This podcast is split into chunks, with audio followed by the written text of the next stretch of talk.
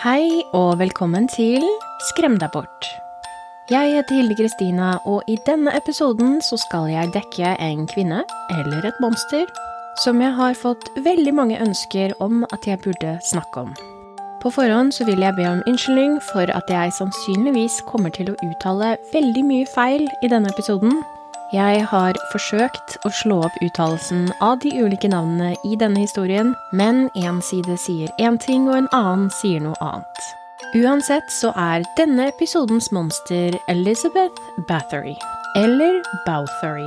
Jeg har hørt begge deler. Elizabeth Bathory er også kjent som virkelighetens Dracula, eller The Blood Countess, altså grevinnen av blod. Og obs, obs, er du sart når det gjelder å høre om tortur av mennesker, så er ikke dette episoden for deg. Som dere kanskje skjønner av navnet, Grevinnen av blod, så var ikke Elisabeth akkurat en hyggelig kvinne. En av tingene hun er mest kjent for, og som ofte er det første folk tenker på når de hører navnet hennes, er at hun fylte badekar med blod som hun badet i. Dette for å opprettholde et ungdommelig utseende og for å holde seg vakker. Men dette er faktisk ikke bekreftet. Ingen vitner så dette, og dette ville faktisk vært vanskelig for henne å oppnå. Litt matte, og det blir ikke langt, for nei, jeg er heller ikke spesielt glad i matte. Men et vanlig badekar kan romme 165 til 180 liter vann. Et menneske består av rundt fem liter blod.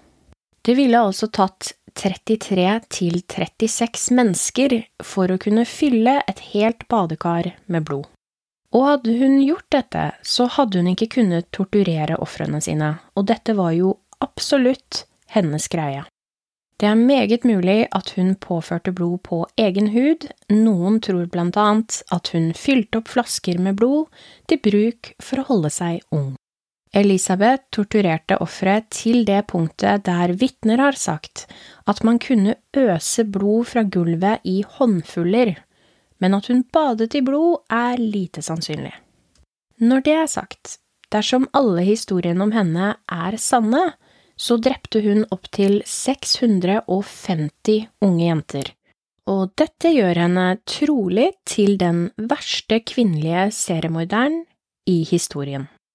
Hun levde lykkelig i slottet sitt, til rykter begynte å florere om en rekke kvinner som hadde forsvunnet, tortur og rituelle mord. Elizabeth Bathory ble født 7. august 1560 på et sted i Ungarn som heter, og jeg beklager at jeg uttaler dette feil, Nyr Bator. En liten fun fact, navnet hennes betyr good hero, ironisk nok. Var det noe hun ikke var, så var det i hvert fall en god helt. Hun vokste opp i en svært rik og veldig mektig familie, og hun tilbrakte barndommen sin på Exed slott i Transilvania. Foreldrene hennes var baron Hjorhi Battery de Exed og Anna Battery. Som sagt så var familien hennes svært mektig. Hun var datter i en av Europas rikeste og mektigste familier, og familien hennes hadde eiendommer som strakte seg over en tredjedel av hele Europa. Moren hennes og faren hennes tilhørte hver sin gren av en av de rikeste og mest innflytelsesrike protestantiske familiene i det ungarske riket. Onkelen hennes, Stefan Bathory, var prins av Transylvania og han var konge av Polen mellom 1575 og 1586. Blant de andre slektningene hennes fantes det en kardinal, en rekke biskoper og også førsteministeren av riket, grev Dorso. Grev Dorso var med da Bathory ble arrestert i 1610. Elisabeth hadde to eldre brødre og to yngre søstre, men vi vet veldig lite om søsknene hennes. Da Elisabeth var liten, så ble hun beskrevet som hissig, og fra da hun var fire til fem år gammel, så opplevde hun kraftige anfall. På den tiden så visste de ikke hva epilepsi var, så hun ble aldri diagnotisert, men det er rimelig sikkert at det var det hun hadde.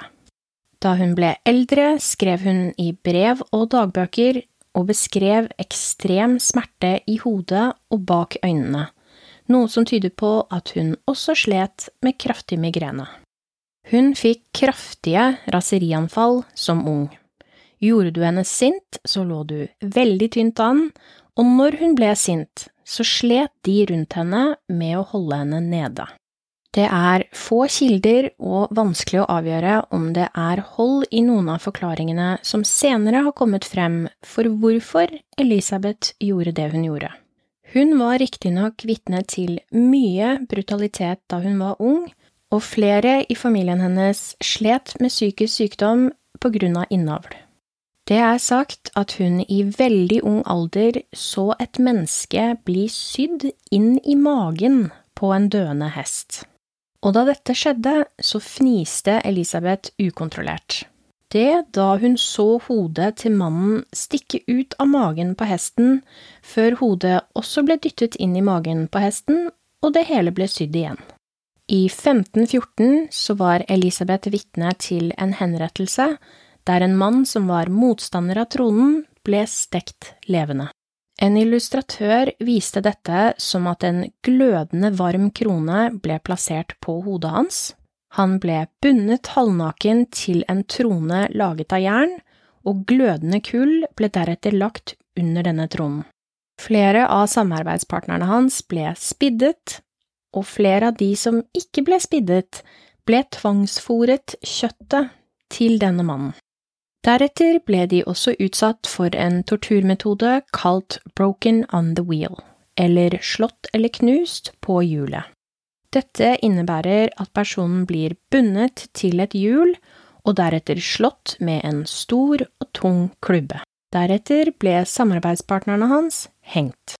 Hun skal også ha vært vitne til at søsteren ble voldtatt og drept av en gruppe bønder der det var nære på at hun led samme skjebne.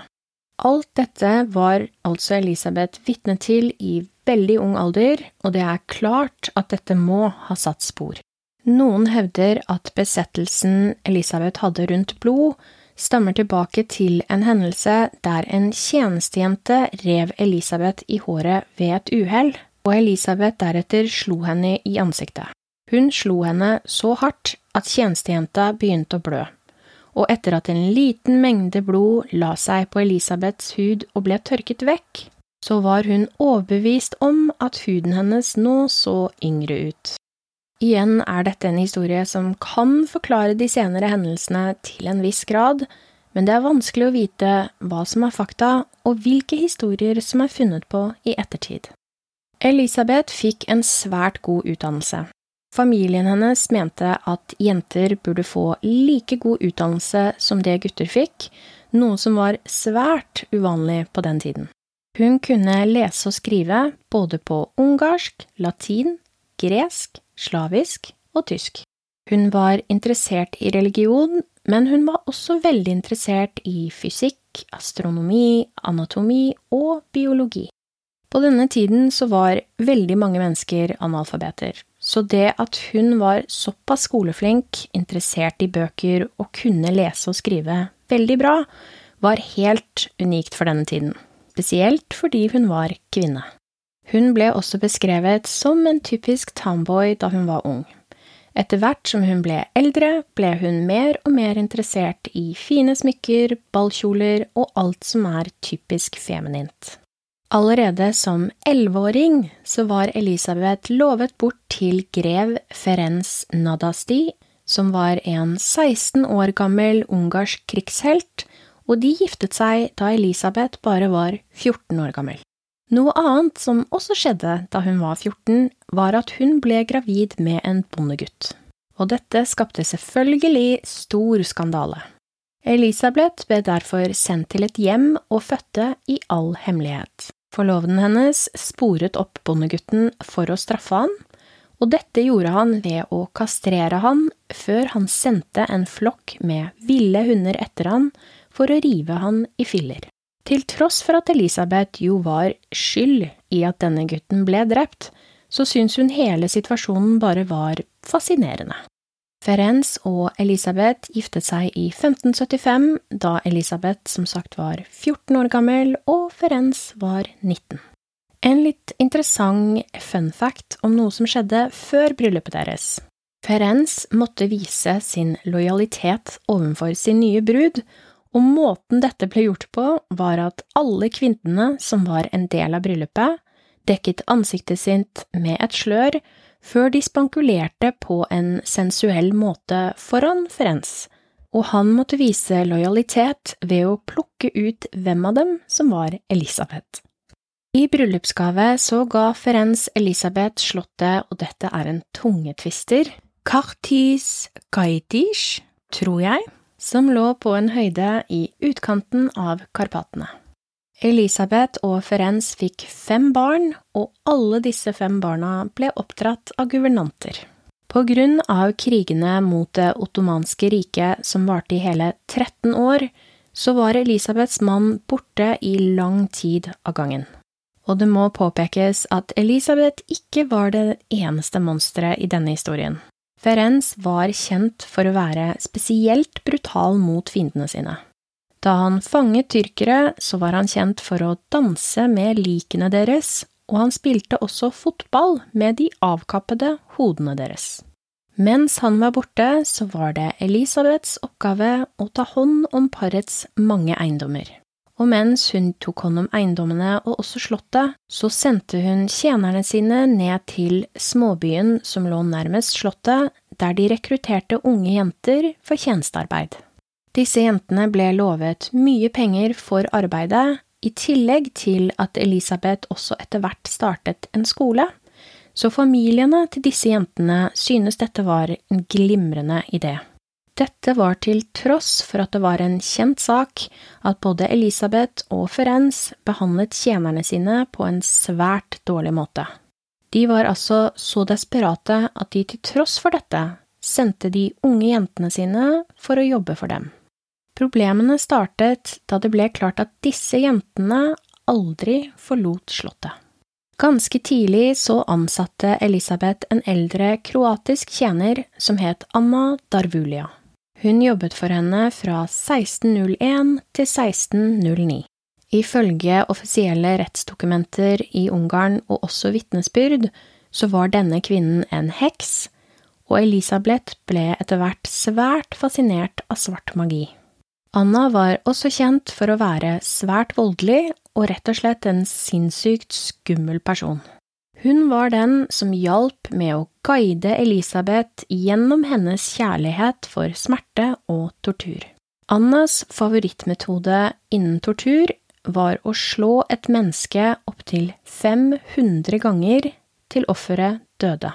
Dette kvinnemennesket ble Elisabeths nærmeste. Hun var kjent som Elisabeths personlige rådgiver. Det er også sagt at det var Anna som rådet Elisabeth til å kun kidnappe og torturere unge jenter som ikke enda hadde opplevd kjærlighet, med andre ord jomfruer. Bare for å vise hvor fascinert Elisabeth var av svart magi, da hun var i 20-årene, så skrev hun et brev til sin mann om Anna. Brevet lyder som følger. Hun har lært meg noe herlig nytt. Fang en svart høne, slå den til døde med en hvit boks, behold blodet og smør en liten bit av det på fienden din. Hvis du ikke får sjansen til å smøre blod på kroppen hans, så finn et av klesplaggene hans og smør det på dette isteden. Og dette skulle visst være en eller annen form for forbannelse. I noen dokumenter så ble det beskrevet at Anna og Elisabeth tok med seg tjenestejenter ut, kledde dem nakne og la dem i snøen midt på vinteren, før de senere helte iskaldt vann over dem. Da det ble klart at de var fullstendig frosne, så etterlot de dem ute for å dø. Da Ferenz var hjemme, så torturerte han også menneskene som jobbet for dem. Med andre ord var disse to et skikkelig radarpar. Ferenz lærte også Elisabeth torturmetoder han hadde lært mens han var i krig. En gave Ferenc tok med seg hjem fra krigen til sin kone, var noe som lignet på en hånd med skarpe klør. Denne hånden kunne du sette over din egen hånd slik at du fikk skarpe klør som du kunne bruke til å torturere mennesker. Da våren kom, så viste Ferenc Elisabeth en annen form for tortur. Han kledde en tjenestejente naken, tok de med utendørs, bandt henne fast til noe så hun ikke kunne rømme unna, og dekket henne deretter i honning. Der ble de etterlatt i hvert fall en hel dag og en hel natt, og Elisabeth sto og så på mens insekter ble tiltrukket honninglukten og begynte å spise honningen og da også offeret levende. Da jenta kollapset av utmattelse og smerte, så viste Ferenc Elisabeth en metode for å vekke jenta igjen. Da ved å legge papir med olje mellom tærne til personen og tenne på papiret. Ryktene rundt grusomhetene som skjedde i Elisabeths slott, skal ha begynt så tidlig som mellom 1602 og 1604. Istvan Magyari, en luthersk sogneprest, påstå både offentlig og i retten at ikke alt var som det skulle i Elisabeths slott. Et veldig høyt antall lik kom fra slottet for å bli begravet, og Elisabeth hevdet at de døde av kolera, men det var så mange at Istvan ble mistenksom. På et tidspunkt ble denne sognepresten også kalt til slottet for å hente liket av en jente som hadde dødd i løpet av natten.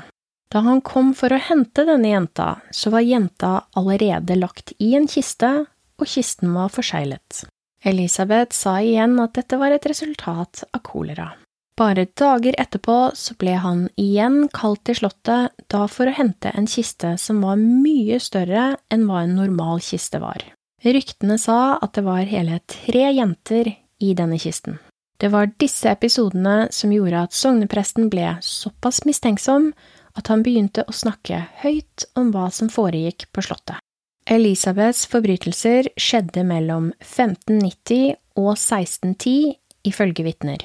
Som sagt så var hennes første ofre unge jenter som ble lurt til slottet hennes, der de ble lovet arbeid som tjenere. Dette var riktignok bare noen av ofrene hennes.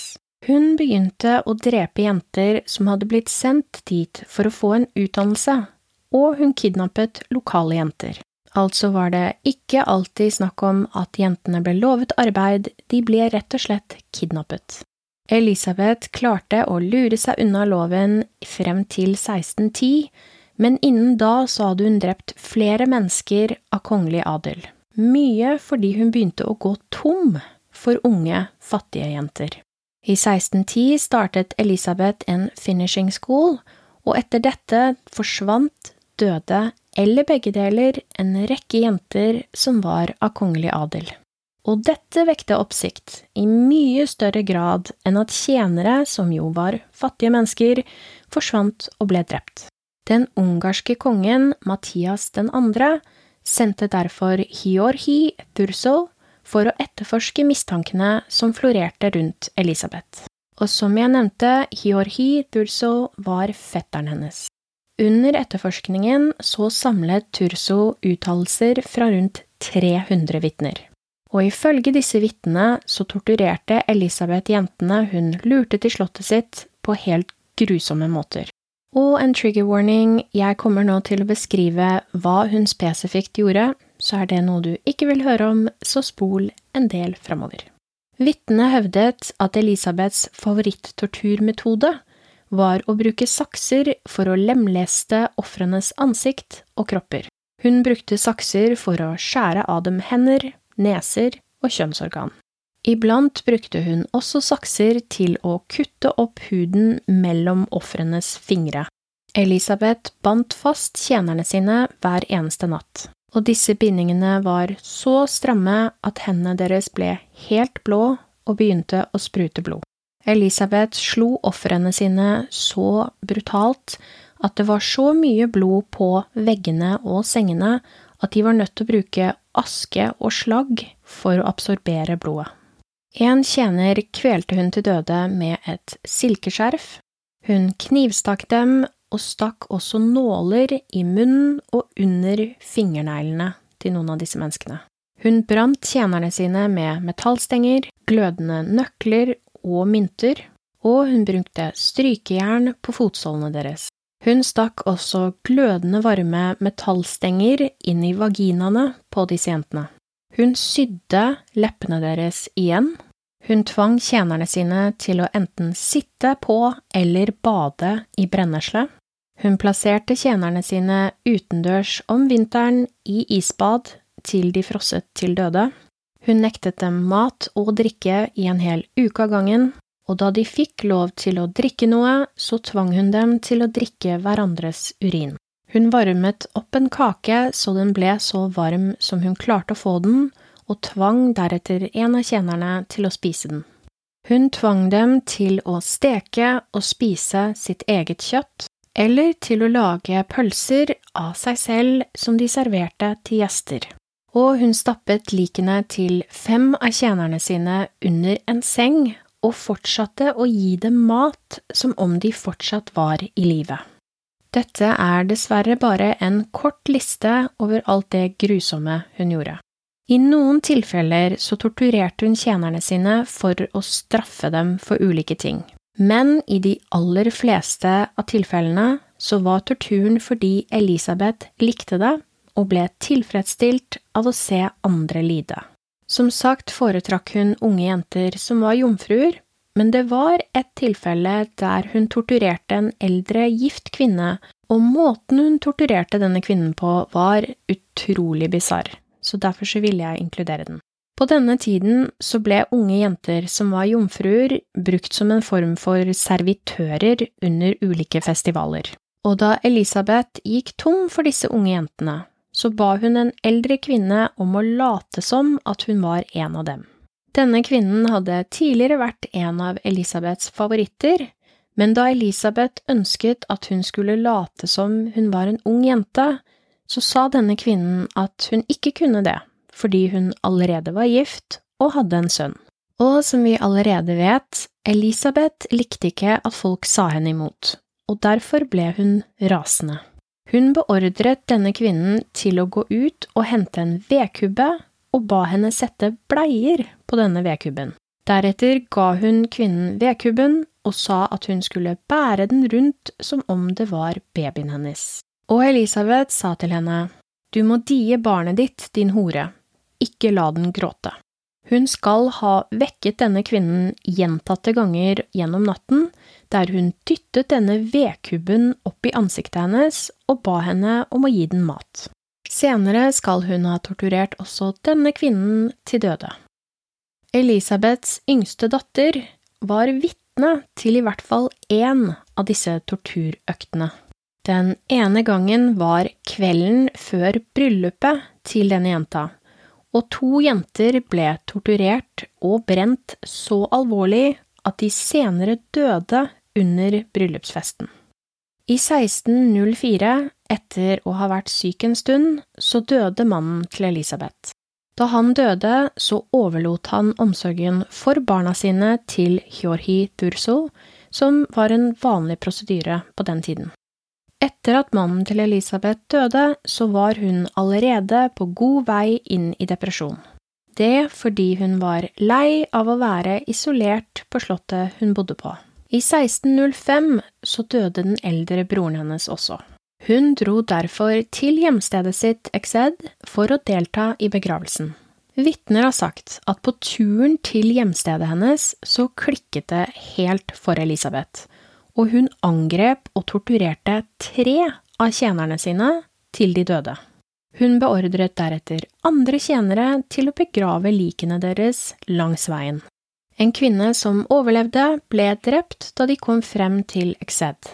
Da slektningene hennes spurte henne hvorfor denne kvinnen var død da de møtte Elisabeth, så sa hun nok en gang at denne kvinnen hadde dødd av kolera. Da Elisabeth returnerte til slottet sitt, så torturerte hun en annen kvinne hele veien. Denne jenta var av kongelig adel, og hun døde på veien. Elisabeth beordret igjen tjenerne sine til å begrave henne langs veien. Vitner har sagt at hun ofte måtte skifte klær halvveis i disse torturøktene fordi hun ble gjennomvåt av blod. Da Thurso begynte å etterforske, så forsto Elisabeth fort at hun begynte å gå tom for tid. Det var rett og slett altfor mange rykter og altfor mange anklagelser. Hun forsøkte derfor igjen å si at jentene døde av kolera eller naturlige årsaker, og til Durso så sa hun at en av jentene som var av kongelig adel, drepte alle de andre jentene fordi hun var sjalu og rasende. Da hun forsto at ingen trodde på henne, så skrev hun testamentet sitt i 1610. I testamentet sitt så ga hun alt til de tre gjenlevende barna sine, bortsett fra brudekjolen hennes, som hun ville beholde fordi, og jeg siterer, jeg akter å bruke den til jeg dør. Under etterforskningen så sa alle vitnene at tortur var hovedfokuset til Elisabeth. Døden var sluttresultatet, men det var alltid på grunn av grusom tortur. Ingen døde raskt. Under etterforskningen ble det selvfølgelig også funnet en haug av lik. Noen var begravet på en kirkegård i nærheten, mens andre var begravet rundt slottet. Det var lik i absolutt alle rom, inkludert inni peisene i slottet. Etterforskningen avdekket også at Elisabeth hadde en stor mengde medhjelpere i byen i nærheten. Dette var altså mennesker som hjalp henne med å lokke unge jenter til slottet hennes. Blant annet ble to jenter som var av kongelig adel, nevnt som Elisabeths medhjelpere. Disse to ble kalt jentefangerne. Etter at Durso avdekket alt dette, så var det endelig over for Elisabeth. Anna døde dessverre før hun kunne bli arrestert. Dette var selvfølgelig veldig synd, for etter Elisabeth så var hun definitivt en hovedperson i alt det som skjedde. Hun var også muligens Elisabeths hemmelige elsker. Hennes vitnemål kunne hjulpet enormt, men fordi Thurso ikke kunne avhøre henne, så ble de andre tjenerne til Elisabeth avhørt etter at alle ble arrestert. I januar 1610 så ble alt presentert i retten, og denne gruppen med mennesker ble siktet for 80 mord. Alle tjenerne ble henrettet for sin rolle i det hele. En av tjenerne hadde tilgang på Elisabeths soverom, og hun hevdet at hun hadde funnet en bok der Elisabeth hadde skrevet ned navnene på alle ofrene sine. Totalt så inneholdt boken 650 navn. Men hvorvidt dette stemmer eller ikke, er man fortsatt ikke sikker på. En annen tjener, en mann Elisabeth stolte på, fortalte at han var vitne til at Elisabeth straffet en tjenestejente for å være klumsete. Elisabeth strippet henne naken og stakk jenta først i fingertuppene med noe skarpt, før hun beveget seg oppover armene hennes. Da hun var ferdig med armene hennes, så beveget hun seg til føttene hennes og deretter oppover beina. Deretter brant hun hendene og fotsålene hennes med en levende flamme, og Elisabeth fortsatte torturen til jenta var død. Denne jenta var ca. elleve år gammel og dette sto denne mannen bare og så på. En tolv år gammel jente som het Paula, klarte å rømme fra slottet, men en kvinne som het Dorca, fant henne og ledet henne tilbake til slottet. Elisabeth, kun iført en hvit badekåpe og et rasende sinne, møtte så tolvåringen og tvang henne inn i en form for bur. Dette buret var formet som en ball, og det var for smalt til å kunne sitte i og for lavt til å kunne stå i. Da jenta var inne i buret, så ble det heiset opp, og en haug av små nåler penetrerte buret. Jenta forsøkte å unngå dem, men ble til slutt revet i filler. En annen medhjelper fortalte at noen dager så fikk Elisabeth en rekke jenter til å ligge nakne på gulvet i soverommet sitt. Der torturerte hun dem så kraftig at blod kunne skuffes av gulvet. En av jentene døde raskt i løpet av en av disse øktene, og Elisabeth skrev i dagboken sin, og jeg siterer, hun var for liten. På et tidspunkt var Elisabeth veldig syk og kunne ikke bevege seg ut av sin egen seng, men det stoppet henne ikke. Hun fikk en av tjenerne sine da Dorca, som jeg nevnte tidligere, som var en sterk dame, til å hente en av jentene til sengekanten hennes. Da Dorca holdt jenta fast ved sengekanten, satte Elisabeth seg opp i sengen og bet jenta. Først i kinnet, deretter beveget hun seg til jentas skulder der hun bet av en bit med kjøtt, og til slutt bet Elisabeth jentas bryster. Ingen brøt inn eller gjorde noe, høyst sannsynlig fordi de var livredde Elisabeth. Elisabeth ble aldri stilt for retten. Fordi hun var fra en adelig familie, så var det ulovlig å stille henne for retten. Å stille henne for retten ville få konsekvenser, så familien kansellerte isteden all gjeld kong Mathias 2. skyldte Elisabeth mot at hun ikke skulle stilles for retten. I stedet ble hun gitt en veldig spesifikk straff. Før straffen ble gitt, så sa Thurso til Elisabeth, og jeg siterer, Du, Elisabeth, er som et vilt dyr. Du fortjener ikke å puste inn luften på jorden eller se Herrens lys. Du skal forsvinne fra verden og aldri dukke opp igjen. Elisabeth ble muret inne på sitt eget soverom. Hvert eneste vindu og dør ble muret igjen, og hun fikk mat gjennom en liten luke. Der levde hun i fire år til, til hun døde 14. august 1614. Hun måtte altså tilbringe resten av sitt liv der hun utførte mye av grusomhetene hun gjorde.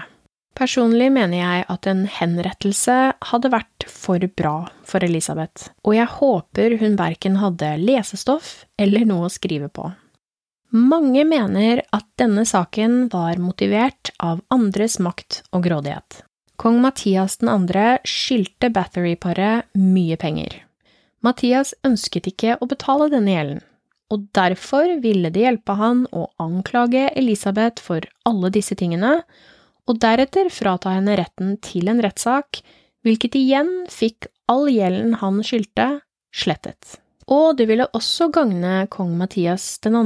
å få Elisabeth ut av bildet, fordi det betydde at han fikk eiendommene hennes.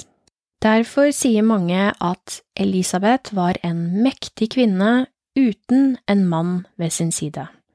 Hun var intelligent, og hun eide viktig og mye eiendom, og hun var fra en familie med rikdom som virket truende på kongen, og derfor gikk de inn for å ødelegge henne. Kanskje mishandlet Elisabeth tjenerne sine uten at det kom i nærheten av grusomhetene jeg har fortalt. Eller så var Elisabeth en grusom kvinne sendt fra helvete for å torturere og drepe unge kvinner.